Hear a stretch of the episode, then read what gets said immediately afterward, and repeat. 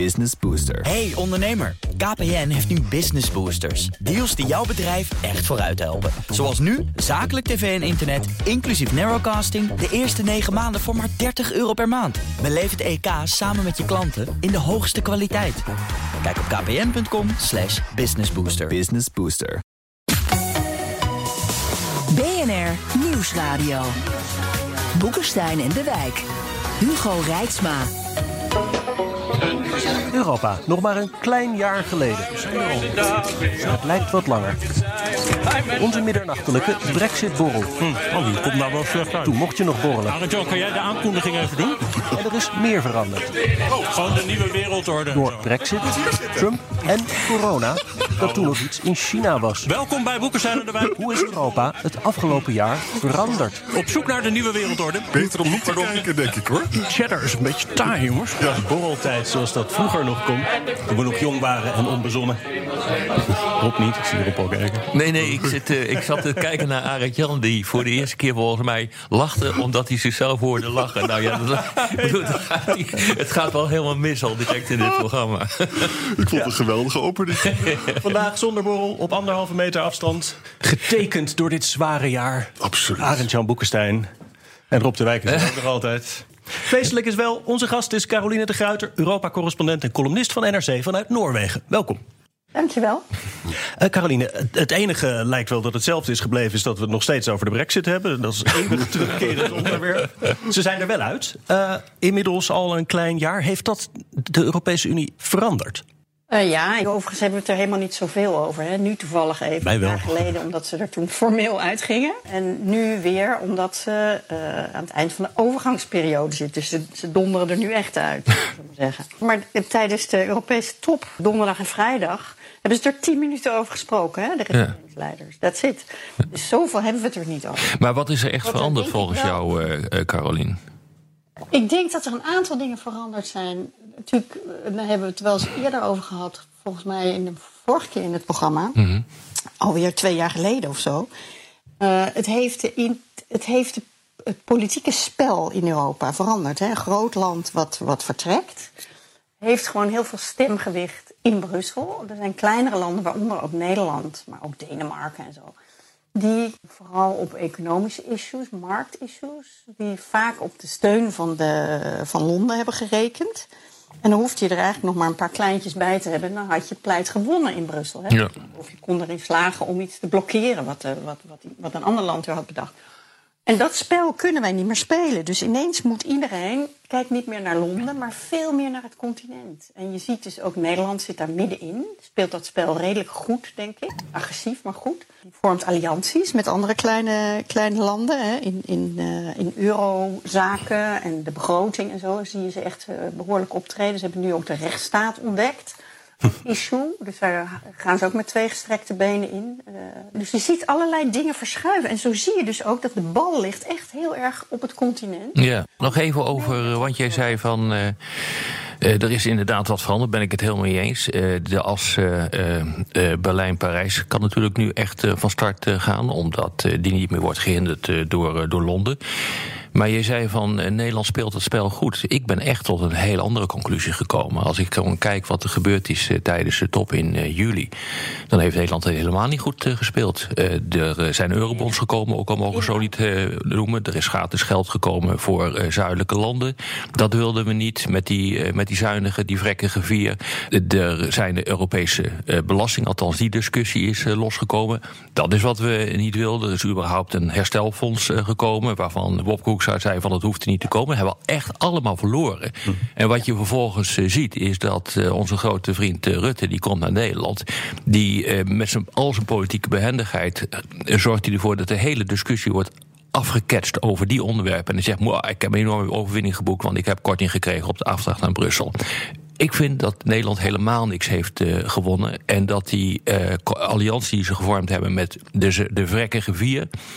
eh, dat dat gewoon helemaal niks heeft opgeleverd... omdat ze gewoon met die vrekkige vier niet op konden... tegen de as Berlijn-Parijs. Als die functioneert ben je gewoon je kansloos. Ik denk tactisch gesproken zie je dat Nederland een veel belangrijker partner is geworden voor andere hoofdsteden. Hè, als ze iets willen, of als ze iets willen, willen lanceren of iets willen blokkeren, dan moet je via Nederland. In dat opzicht heeft Nederland een ongelooflijk grote bek. Ik weet het niet. In Europa. Dat zie je uit allerlei peilingen. De Europese denktank ECFR, heb ik gezien. de European Council on Foreign Relations, die houdt die betrekkingen bij van hoe kijken die hoofdsteden nou naar elkaar. En die zien dat de Nederlanders. eh, Er is geen land in Europa, dat komt daar ook uit. wat zo eh, boven zijn gewicht speelt als Nederland. Maar Dit gaat over tactiek. Ja, maar, maar gesproken denk ik dat de Nederlanders die manoeuvreren zich helemaal in het midden van het spel. En daar had ik het over. Inhoudelijk kun je je de vraag stellen, en dat ben ik volkomen met je eens. Is dat verstandig? Is het, A, is het verstandig als wij zo met het, met het vingertje omhoog eerst eindeloos lopen te hakken op zuidelijke landen en nu weer op landen in Oost-Europa? En ten tweede kan je ook je afvragen: hoeveel bereik je inderdaad als het enige wat je, wat je, Ja. eh, wat je wint, hè, en dat hebben we in juli gezien, een enorme reductie is van de Europese begroting. Terwijl Rutte aan de andere kant zelf eh, de vragende partij is: we moeten meer innoveren, we moeten meer onderzoek doen, er moet allemaal meer geld voor. Zelfs Europese defensie wil die tegenwoordig. Ja. Nog een effect van Brexit trouwens. Dat we dat ook, eh, dat verzet daartegen opgegeven hebben. Dus ja, het enige waar die echt in slaagt met die kleine landjes, dat is een reductie van de Europese begroting. En andere landen tegen zich in het harnas jagen. maar Carolien, heb jij een verklaring voor het volgende? Want ik vind het toch eigenlijk heel erg interessant. Hè? Ehm, wij, wij kennen buitenlandse zaken met z'n drieën heel goed. Hè? Het is maar een heel klein land. En iedereen kent elkaar in Nederland. Hoe is het nou toch mogelijk? Ik, ik ben al 25 jaar weg. Ja. Hoe is het nou En, eh, mogelijk dat onze diplomaten het niet hebben zien aankomen? Dat er in die Frans-Duitse as grote dingen veranderd waren. Ook in de personele bezetting, weet je wel. De Duitse ministerie van Economische Zaken. Waarbij gewoon de Keynesianen veel sterker werden. En dat coronafonds al was opgetuigd. Hè. En wat doen wij? Wij zien dat kennelijk niet. We gaan met die vrekken aan de gang. Een totale nederlagenstrategie. Hoe kan dat? Hoe kunnen we zo blind zijn geweest? Snap jij dat? Ja, dit is denk ik een enorme fout geweest. Overigens niet alleen van de Nederlanders. Maar ik denk dat een heleboel niet hebben, mensen niet hebben beseft... dat het corona-herstelfonds... dat het een buitenkansje was voor de nieuwe generatie economen Ja, in. Duitsland... die al een paar jaar onder Olaf Scholz eh, op sleutelposten zijn benoemd. Hè? Ja. Die mensen die hebben lang in, in Brussel gezeten of in Londen gezeten... in Parijs gezeten, die kennen hun Franse collega's enzovoort en zo verder. Dus toen die een oekase kregen, of de vraag kregen van Merkel eind maart van hè, bedenk eens wat, toen hadden ze het eigenlijk al bedacht. Ja. Dus vandaar dat het zo enorm snel kon gaan. Ja, Nederland En er is ook een afspraak geweest tussen Macron en eh, Merkel in, eh, in een of ander slot eh, nabij Berlijn. Dat heeft hier ook nooit de voorpagina's eh, gehaald. Dus ze konden ook gewoon Nee, weten welke kant het op ging. klassieker? Duitsers hebben natuurlijk ook heel lang een dubbel spel gespeeld. Of een dubbelspel. Hè. Die zijn min of meer achter de frugals gaan staan. De zuinige landen, hè, de vrekken worden ze vaak genoemd. Is daar soms zelfs eh, bij gaan zitten. Hè. Vond het eigenlijk wel goed dat ze ook proberen. Want de Duitsers willen ook altijd de begroting omlaag hebben. Hè. Die eh, hebben zich ook achter de, achter de rug van de, van de Britten vaak verscholen. Dus Nederland is een beetje in slaap gesust. En dat hebben we natuurlijk eerder gehad in Deauville. Eh, Ja. toen, toen Merkel en Sarkozy op het strand in Deauville een, een, een deal hebben gesloten. Ja. Dat was tijdens de eurocrisis. Toen was Nederland ook, die voelde zich ook enorm verraden. Want Duitsland stond toch aan onze kant? Nou nee, Europa werkt natuurlijk toch zo dat Europa draait om Frankrijk en Duitsland. Uiteindelijk is dat allemaal opgetuigd zodat die twee elkaar niet in de haren zouden vliegen. Meer precies, zodat Duitsland niet meer zo machtig zou worden op het continent. Alleen machtig. En zo werkt, het, zo werkt het eigenlijk nog steeds. En Duitsland en Frankrijk zijn het nooit ergens over eens. Het zijn totaal verschillende eh, culturen, politieke culturen. Die denken anders over alles. Dus als zij, eh, als Europa verder wil, eh, of overeind wil blijven, dan zullen die twee een deal moeten sluiten. Het is, Of een taakverdeling afsluiten. En dat is precies wat ze gedaan hebben. Ze hebben een taakverdeling afgesloten. De, de Duitsers doen de, de economie, bij wijze van spreken, heel grof gezegd. En de Fransen doen het buitenlandse eh, beleid en defensie. En, en zo kan dat heel goed functioneren. Arend-Jan, denk jij dat die gezamenlijke leningen in het coronaherstelfonds een opmaat zijn naar meer? Naar een meer federaal Europa? Ja, ik, ik denk dat, eh, dat, dat we een permanent eh, coronafonds gaan krijgen. En het interessante is, we hebben het er nou net over. Er zijn dus. Schäuble was er natuurlijk altijd vreselijk tegen. Schäuble is door de corona-ontwikkeling, ook in Italië. dat vond hij zo verschrikkelijk wat het Italiaanse volk overkwam. dat hij dus is omgegaan. En nou zal Schäuble tegen een permanente coronafonds natuurlijk zijn. maar er zijn voldoende Duitsers op hoge positie die, die wel beseffen dat als je maar 1% van je Europese BNP uitgeeft aan een EU-begroting, dat het heel erg weinig is. En dat er dus grotere stabilisatoren moeten komen. Wat er eigenlijk gebeurd is, is dat men zich erbij neer heeft gelegd dat de hervormingen in het zuiden altijd een beetje tegenvallen. En dat om geopolitieke redenen kunnen we ons niet veroorloven dat die euro weer in een crisis komt.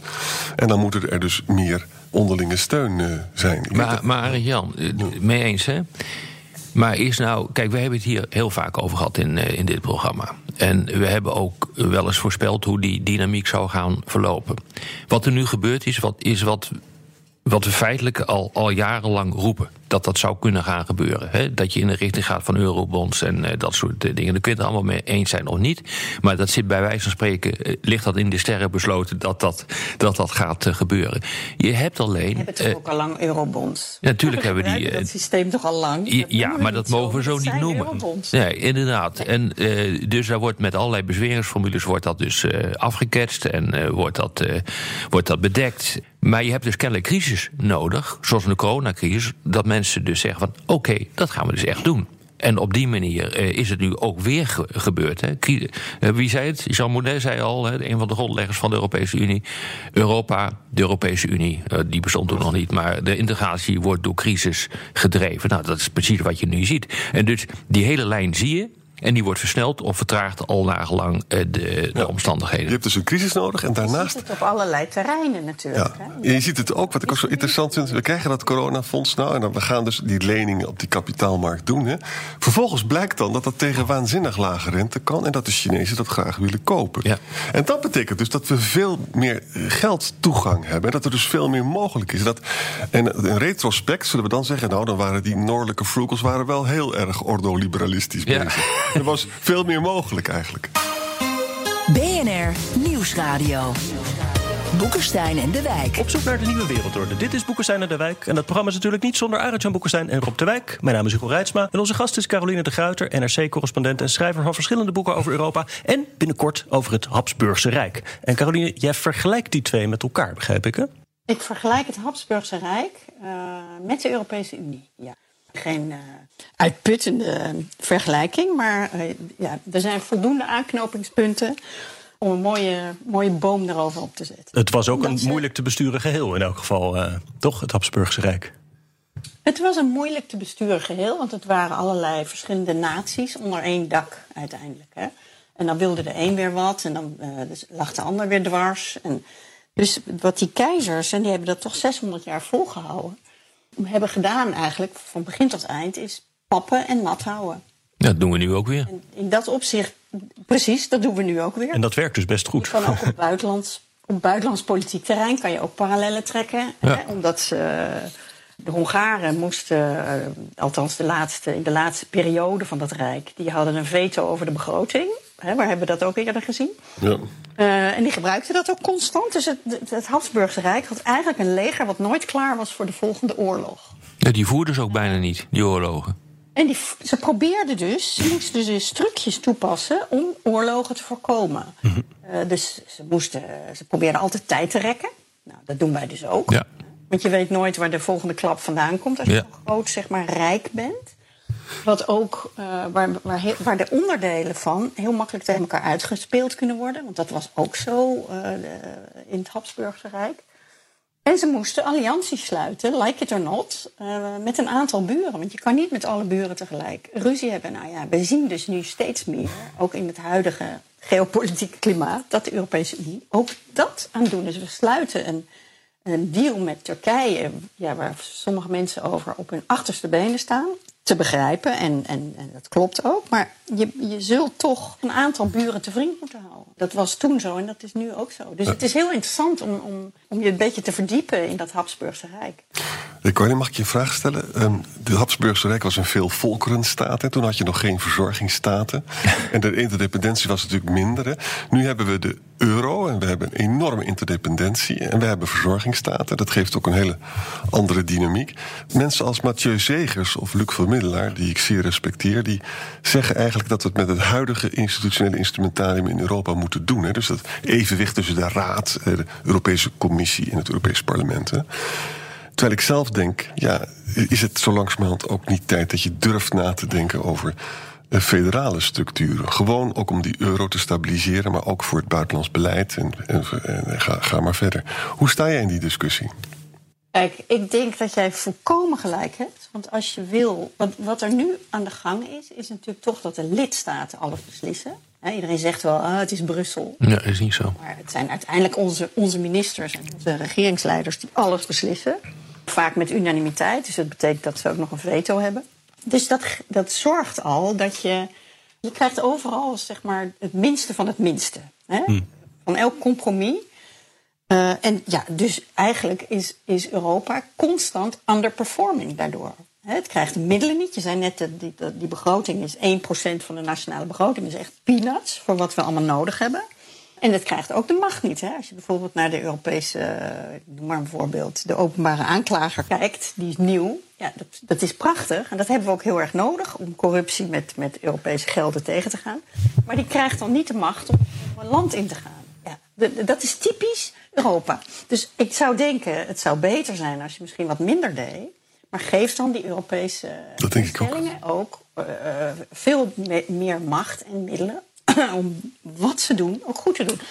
Maar tegelijkertijd, dus ja, ik ben het helemaal met je eens, uh, Arend Jan. Tegelijkertijd zie ik ook, ik ben ook niet blind, uh, dat op dit moment is het klimaat daar helemaal niet naar. Dat gaan de lidstaten, like it or not, die gaan dat gewoon nooit goedkeuren. Die willen hun vingers aan de knoppen houden. En Luc van Middelaar die schrijft dat ook in zijn boek bijvoorbeeld. Van ja, het, Europa is niet meer het, het gedepolitiseerde Europa. Alles in technische stukjes breken. Daar heb je geen regeringsleiders voor nodig bijna. Nu gaat het om hele politieke issues. Om migratie, om, om buitenlandse politiek. En de euro, hè, onze, onze centen. Dus ja, dat, dat, dat, kan je niet overlaten aan. Ik ben het er toch niet helemaal mee eens hoor. Dat moet je. Nee, daar, daar, kun je ook van alles op afdingen. Alleen hij is, denk ik, hij heeft ook lang bij de raad gewerkt. Hij Ja. is realistisch genoeg om te zien dat dit is zoals de wind nu. Ja, en ik denk, denk dat dat gewoon niet, niet klopt. Weinig tussen krijgen. Ik denk dat het niet klopt. En eh, dat heeft Ja. gewoon te maken met het feit dat we altijd geneigd zijn om van binnen naar binnen te kijken. Dus je kijkt van binnenuit eh de Europese Unie eh, naar wat er in Brussel gebeurt. En je ziet dat er een hoop gekakeel is en dat het lastig is om een. eh, om een overeenstemming te bereiken. En dat is ook zo. Maar ik mag ik even op wijzen dat dat ook geldt voor het Nederlandse parlement. Ik bedoel, daar wordt ook oeverloos geouwehoerd over van alles en nog wat. En dan komt er wel of geen besluit. Dat is nu eenmaal gewoon hoe democratie werkt. Alleen op een hoger niveau tussen landen. Maar als je van buiten kijkt naar die Europese Unie. Eh, dan zie je gewoon een machtsblok waar je helemaal niks mee kan. Ik zou maar eh, het eens gaan vragen aan eh, president Xi van China en Poetin van Rusland en Trump van Amerika. Die hebben gewoon tot nu toe niets voor elkaar gekregen. Die lopen keihard aan tegen dat communitaire beleid van, eh, van Brussel. Eh, ze willen allemaal een handelsakkoord of een gewijzigd handelsakkoord of wat dan ook. Ze krijgen het gewoon niet. Ga vragen aan Boris Johnson hoe die zich op dit ogenblik voelt. Je krijgt gewoon niks voor elkaar. En dus. Eh, het hangt er maar net vanaf hoe je er tegenaan kijkt. Op economisch gebied. Op economisch gebied en op handelsgebied zijn wij gewoon een van de drie grootmachten. Een Ja. reus. Ja, exact. En op politiek gebied, want dit was natuurlijk ook. eh, we hebben, we Ik hebben weet, niet wat corona politi- en ik, weet niet wat politiek, ik weet niet wat politiek gebied is. Eh, en op buitenlands gebied zie je dat de Europese Unie hetzelfde probleem heeft als, als Amerika. Hè, je probeert iets te doen in de richting van. eh, eh, van Wit-Rusland, of in de- wat Caroline net ook zei, in de richting van Turkije. Dat duurt lang, er komen sancties. Hebben die sancties effect? Nee, natuurlijk niet. Maar de Amerikaanse sancties hebben ook geen effect. En de Russische sancties, voor zover die er zijn, nou, die hebben al helemaal geen effect. Dus je kunt ook niet zoveel op buitenlands eh, beleid. Het is, er is niet een magische knop waaraan je kan zitten, waardoor je landen onder druk gaan zetten. En dat die landen zeggen: Oh, sorry, god, nee, dat hebben we zo nooit gezien. Laten we maar even En ons beleid hè? bijstellen. Die bestaat niet. Niet die knop. En toch, politiek is niet alleen buitenlands politiek. Ik ben het met je eens. Maar politiek is niet alleen buitenlandse politiek. Als je dus als je ziet hoe bedrijven over de hele wereld Ja. hun eigen regeringen smeken om Standaarden. deze wetgeving over te nemen. Klopt. Ja. Dat is precies wat ik bedoel. Van chemicaliën, Ja. op het gebied van van alles en nog wat. Ja. En omdat ze anders hun spullen Niet kwijt kunnen. niet, Klopt.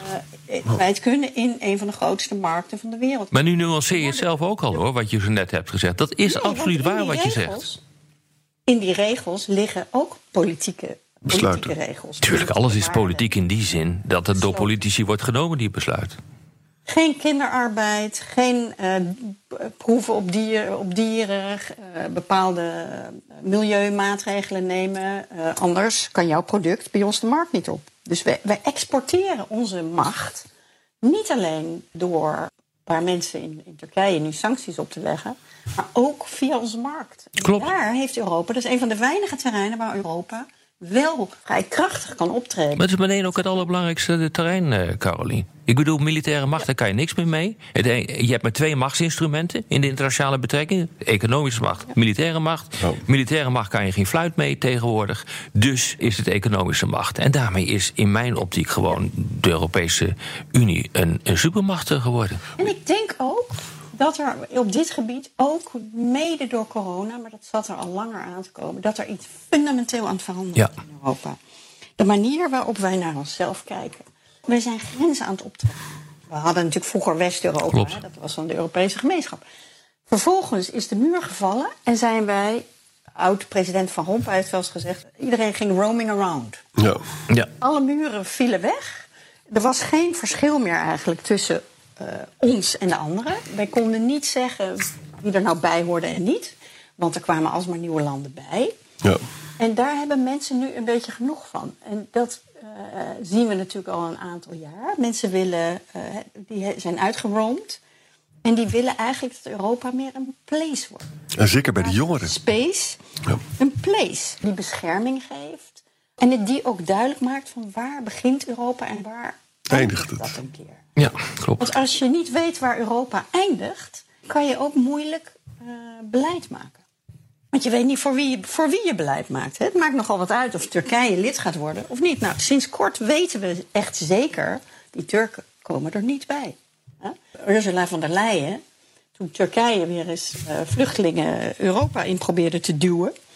eh, is Ursula von der Leyen is naar de grens gegaan tussen Griekenland en Turkije... en heeft heel duidelijk gemaakt, luister Turkije, wij staan achter Griekenland. Want dat is een Europees land, dat is een EU-land. En tot hier en niet verder.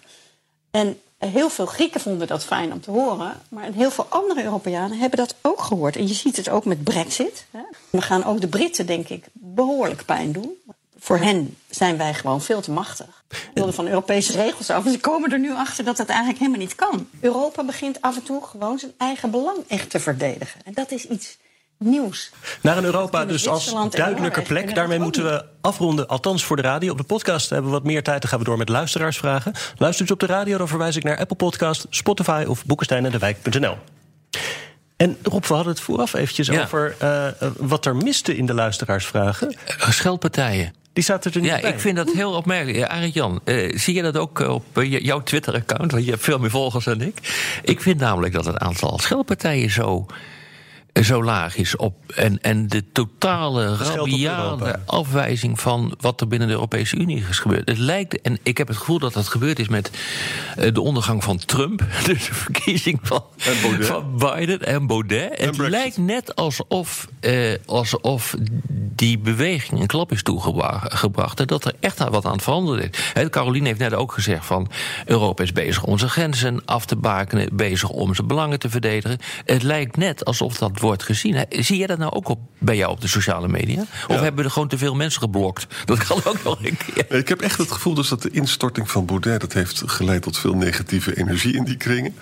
Eh, je ziet ook dat eh, ja, Trump heeft natuurlijk gewoon verloren. En Maar nee, maar de vraag was, zie je het op Twitter. Ja, ik zie het ook veel minder worden. Ja. Dirk-Jan Epping probeerde altijd Trump een beetje te steunen, maar dat wordt nu ook wat stiller. Nee, die hebben. Nee, ja. En, en ik denk ook dat mensen het nu zien, trouwens ook in Engeland zelf. hè, Het laatste onderzoek is de meerderheid van de Britten zijn eigenlijk tegen Brexit nu. Die snappen ook wel dat, het, dat ze iets heel anders gekregen hebben dan beloofd eh, werd. En trouwens, als je met studenten of jongeren praat, die zijn Ja. veel pro-Europeeser Ja.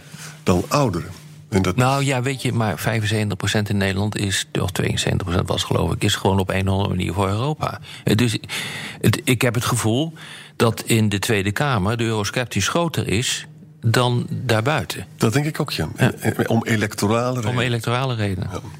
Verschillende vragen trouwens ook over de, over de Europese bevolking. Marco Smit vraagt waarom kan Europa zich toch zo moeilijk verkopen... zelfs niet als het indirect wordt geholpen door eh, Trump, Brexit en corona. Of Jan Pieter die vraagt... Ja, als het, misschien dat er een, een sterker zelfbewustzijn is eh, onder Europese bestuurders... maar geldt dat eigenlijk ook wel voor burgers van, van Frankrijk tot Polen? Ik denk dat dat geldt. Je ziet sinds, sinds Brexit, sinds eh, Trump de macht heeft gegrepen, zie je, eh, zie je toch duidelijk. eh, we hebben Poetin, Erdogan begint zich ook eh, vervelend op te stellen. Zie je wel dat mensen misschien niet zo tevreden zijn nog steeds met de Europese Unie, maar ze zijn wel tevreden in de Europese Unie. Het is iets anders. Ja, dat klopt. Ja. Dat is precies dat beschermende element waar ik het eerder over had. Hè? Ja.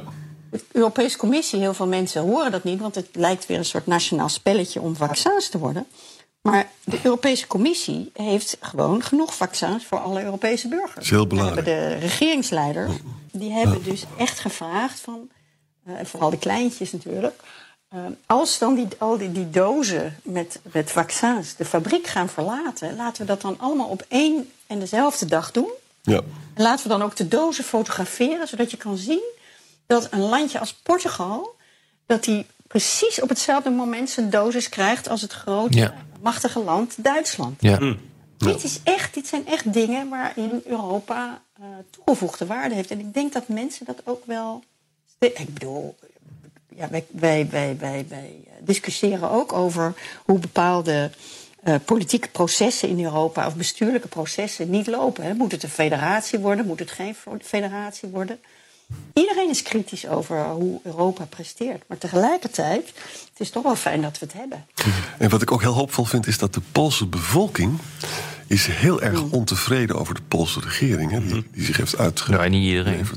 En dat betekent dus dat Polen toch een hele andere casus is dan Hongarije. Trouwens, Hongarije, daar is het nepotisme en de zelfverrijking zo eh, grote schaal nu geworden. Dat, dat, dat in de toekomst gaan mensen daar natuurlijk toch ook heel kwaad om worden. Zo'n corrupte regering. Dat is niet erg duurzaam. Hè? Dus misschien dat het ooit nog eens goed komt in de. Nou ja, populisten vallen altijd uit elkaar hoor. Ja. Populistische beweging, dat is, een, eh, dat is, een, eh, dat is vrij standaard. Dat zie je zie- dus. Ja. Dat zie je ook nu met corona. Ja. Dus ze hebben wel slogans, maar als het echt om mensenlevens gaat, hebben mensen toch liever dat eh, specialisten ermee aan de gang gaan en proberen de boel op te lossen, dan dat je populisten met hun slogans oplost. Ja. Verschillende vragen ook over eh, Polen en Hongarije en het compromis dat daar nu over is gesloten op die Europese top. Jan-Pieter noemt het de deal morele capitulatie. De andere is ook negatief. Die zegt: moeten we zo langzamerhand met pijn in het hart niet constateren dat de EU als unie van normen en waarden geen toekomst heeft? Zijn jullie net zo Nee, cynisch dat- over, nee, nee, dat over dat vind- compromis? Nee, helemaal niet. Eh, compromis, het is altijd een compromis. Ik bedoel, dan moet je in een dictatuur gaan eh, leven, dan heb je geen compromis. Maar dan is nog de vraag hoe effectief eh, dat is. Maar als je dus nu kijkt naar die rechtsstaattoets, ik vind dat echt wel een unieke eh, beslissing hoor, die is eh, genomen. Om eh, geld te koppelen aan het, eh, aan het eh, hanteren van de, de normen van de rechtsstaat. landen dan echt gedwongen worden om. nou ja, daar is natuurlijk een, in die zin een compromis gesloten om, om Orbán over de streep te trekken. En door eerst aan, het, aan de rechter, laten we zeggen, te vragen van... kan dit nou wel wat we aan het doen zijn? Nou, dat duurt dan een jaar. Kan die mooi in die tijd de verkiezing nog een keer weer winnen? Althans, dat denkt hij. Eh, maar het feit dat je dus nu die koppeling legt is wel, ik ik vind het een verschrikkelijk woord, maar ik gebruik hem toch, is toch historisch. Ja, en met name vanwege de terugwerkende kracht. Ja. Hè? Tot nu toe was het dus zo dat je allemaal procedures startte. Dat duurde jaren en eigenlijk is Hongarije daardoor met heel veel weggekomen. Polen trouwens ook. En nu hebben ze gezegd van we houden het eh, overeind. Eh, je, je mag zelf overigens, oh, het Europees Hof moet zich er zelf over uitspreken. Maar na die uitspraak is het met terugwerkende kracht. Dus, dus Orbán kan teruggaan naar Hongarije en dan zeggen van kijk ik heb gewonnen want het is uitstel. Maar het uitstel betekent wel eentje met terugwerkende kracht. En dat is toch. We hebben nu een efficiënter systeem dan het lethargische, langzame, het vertragende systeem dat we hadden. Caroline, hoe kijk jij ernaar? Onder de oude. Onder de, ja, ten eerste denk ik dat je doordat. En dat, Nederland is een van de landen geweest die dat heeft gedaan. Doordat je hebt gezegd. Hè, we moeten die rechtsstaat als voorwaarde verbinden. Vastmaken eigenlijk aan de begroting. Nou, de begroting is, is iedere zeven jaar is een van de grootste koehandels die ik ooit heb meegemaakt. En doordat je daar dan in, dat, in, die, in die koehandel de, de rechtsstaat meeneemt, ja, dan ga je daar dus ook over onderhandelen. Dus al die mensen die ontevreden zijn dat er een compromis is, ja, dit is wel dus het resultaat van wat premier Rutte heeft gedaan. Hij had het er ook buiten kunnen houden, had je er niet over hoeven onderhandelen. Dan had Nederland bijvoorbeeld een keer naar de rechter kunnen stappen, wat Nederland ook al lang had kunnen doen. Ja. Kijk, wat mijn, eh, ik heb een grote vraag. Ik ben namelijk heel benieuwd of de lidstaten, ondanks alle retoriek, of ze het nu ook echt gaan gebruiken. Want de lidstaten, je ziet het ook eh, in de eurozone, zijn ongelooflijk voorzichtig met sancties aan elkaar. Ja. Want ze moeten met elkaar door. Hè? Tot nu toe is eigenlijk alles over de rechtsstaat is, eh, in de Europese verdragen gefietst door het parlement. Ja. En zelfs door organisaties van buiten de EU, zoals de Raad, Raad van Europa. Sinds 2009, het Lissabon-verdrag, eind 2009, hebben de lidstaten de mogelijkheid gehad om naar de rechter te gaan over de rechtsstaat in, in landen als Polen, Hongarije of wie dan ook. Hebben ze nooit gedaan. Ze hebben het aan de commissie overgelaten. Vervolgens hebben ze de commissie eigenlijk nauwelijks gesteund. Hè? Dus er lopen nu twee procedures. één eh, ingesteld door het parlement tegen Hongarije en één door de commissie tegen, of meerdere, tegen eh, Polen. Maar ze durven dat niet echt door te zetten. En dat komt omdat de lidstaten er niet echt achteraan zijn gegaan. Deze tekst ook weer. Uiteindelijk zijn het toch, is het toch het parlement geweest dat de moeilijke woorden rechtsstaat er een aantal keren in heeft gezet. Ja. Dus het zal mij benieuwen of. Kijk, als, als- als Nederland naar de rechter gaat, hè, dan kan misschien Polen over een heleboel andere issues ongelooflijk moeilijk gaan doen in de Europese Unie om allerlei dingen te blokkeren die Nederland graag wil. Klopt. Als je daar eenmaal mee begint, hè, dan is het tit voor tat en dan houdt dat nooit meer op. Dat is ook zo. Ik denk dat dat een eh, belangrijke verklaring is. ooit uit de kast gaan halen. Ja, maar ik denk dat het nu wel anders is. Omdat er een directe koppeling wordt eh, gelegd aan eh, tussen, eh, tussen, geld en, eh, eh, tussen geld en rechtsstaat. En dat is volgens mij nooit eerder gebeurd. Hè. Dus je kunt wel tot een veroordeling komen. Je kunt proberen te komen tot een artikel 7-procedure... waardoor landen aan de schandpaal worden genageld. Maar als het geen consequenties heeft, dan, Ja. dan doe je het niet. Maar nu heeft het consequenties. ja. MRB Liemers die vraagt hoe effectief zou de Europese Raad zijn als we het veto afschaffen en een tweederde meerderheid aannemen? Nou, daar ben ik groot voorstander van. Maar dat gebeurt natuurlijk al op een hele hoop eh, terreinen. Maar je zou dat bijvoorbeeld op het gebied van het buitenlands beleid eh, kunnen gaan doen. Hè? Een tweederde, nou ja, goed, gekwalificeerde meerderheid. Maar dat is veel te technisch om dat eh, nu uit te leggen. Maar inderdaad, ehm, lijkt mij dat een hele goede zaak. Ik heb net het voorbeeld genoemd van bijvoorbeeld Wit-Rusland of Turkije. Dan zou je dat, denk ik, makkelijker kunnen doen. En het sanctiebeleid zou natuurlijk veel simpeler worden. Ja. Joris den Berg vraagt hier ook nog over: is het eigenlijk wel mogelijk om met 27 lidstaten te komen tot een gezamenlijk buitenland beleid en strategische autonomie? En als dat vooral extern gedreven is, hoe houdbaar is dat dan? Buitenlandse politiek is altijd, wordt altijd extern bepaald. Hè? En laten we, er is meer dat ons bindt dan dat ons scheidt. Ik bedoel, we hebben een probleem met een opkomende hegemoon China. En dan is Europese samenwerking zo logisch om dat te doen. En wat dat betreft ben ik eigenlijk helemaal niet zo pessimistisch. Ze zien in, ook door de Trump-ervaring en door wat Poetin allemaal doet, is gewoon meer Europa is heldere logica, zou ik zeggen. Mark Haube vraagt: wat ziet China als een grotere bedreiging in de nabije toekomst? Een sterk Amerika of een verenigd sterk EU? Amerika? Ik denk een eh, verenigd sterke EU. Dat een eh, volwaardige, volwaardige partner is. Ik bedoel, daarom eh, heeft Trump ook zo'n ongelofelijke hekel aan de Europese Unie. Daar kan hij helemaal niks mee. Hij wil gewoon verdeelde, een verdeelde Unie. En hij wil handelsdeals sluiten met onafhankelijke landen. En daar kan hij wat mee, maar hij kan met de Europese Unie helemaal niks. De Europese Unie is een obstakel voor Trump bij zijn mondiale aspiraties in strijd met China. En voor En China? andersom natuurlijk ook. Idem dito. De Europese Unie. Nou ja, er wordt nu. hetzelfde. Ja, er, er wordt natuurlijk nu al gespeculeerd in de Verenigde Staten. door eh, collega's eh, van ons. of eh, misschien de 21e eeuw eh, niet de eeuw van China wordt. maar de eeuw van de Europese Unie. En eh, daar zijn goede redenen voor te geven om, dat, eh, om daarin mee te gaan. Maar dan moeten we innoveren en we moeten die grenzen gaan bewaken. We moeten werken aan Europese defensie.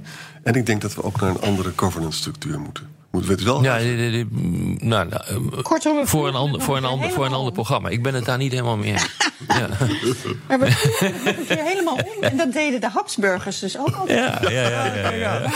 Constant de wereld om je heen, maar de wereld om je heen verandert. ja, En daarmee moet jij ook veranderen. tuurlijk. Wij zijn allemaal groot geworden in een totaal andere wereld. Ook in een totaal ander Europa dan we nu hebben. Maar sta je niet blind op institutionele discussies? Dat is natuurlijk wat we. Dat doe jij niet, maar dat is wat er meestal gebeurt. Als er iets gebeurt in Europa en iets buiten Europa gebeurt, dan komen we altijd met institutionele veranderingen.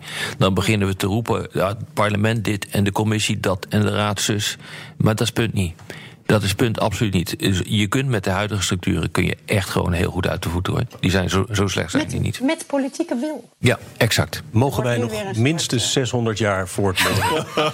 Dit was weer Boekenstein en de Wijk. Namens Aart-Jan Boekenstein en Rob de Wijk zeg ik dank voor het luisteren. Speciale dank aan Caroline de Gruiter. En tot volgende week.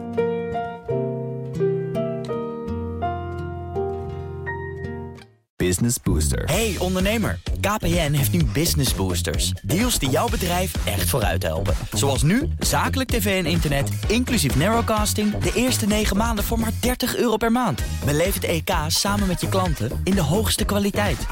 Kijk op kpn.com slash businessbooster. Business Booster.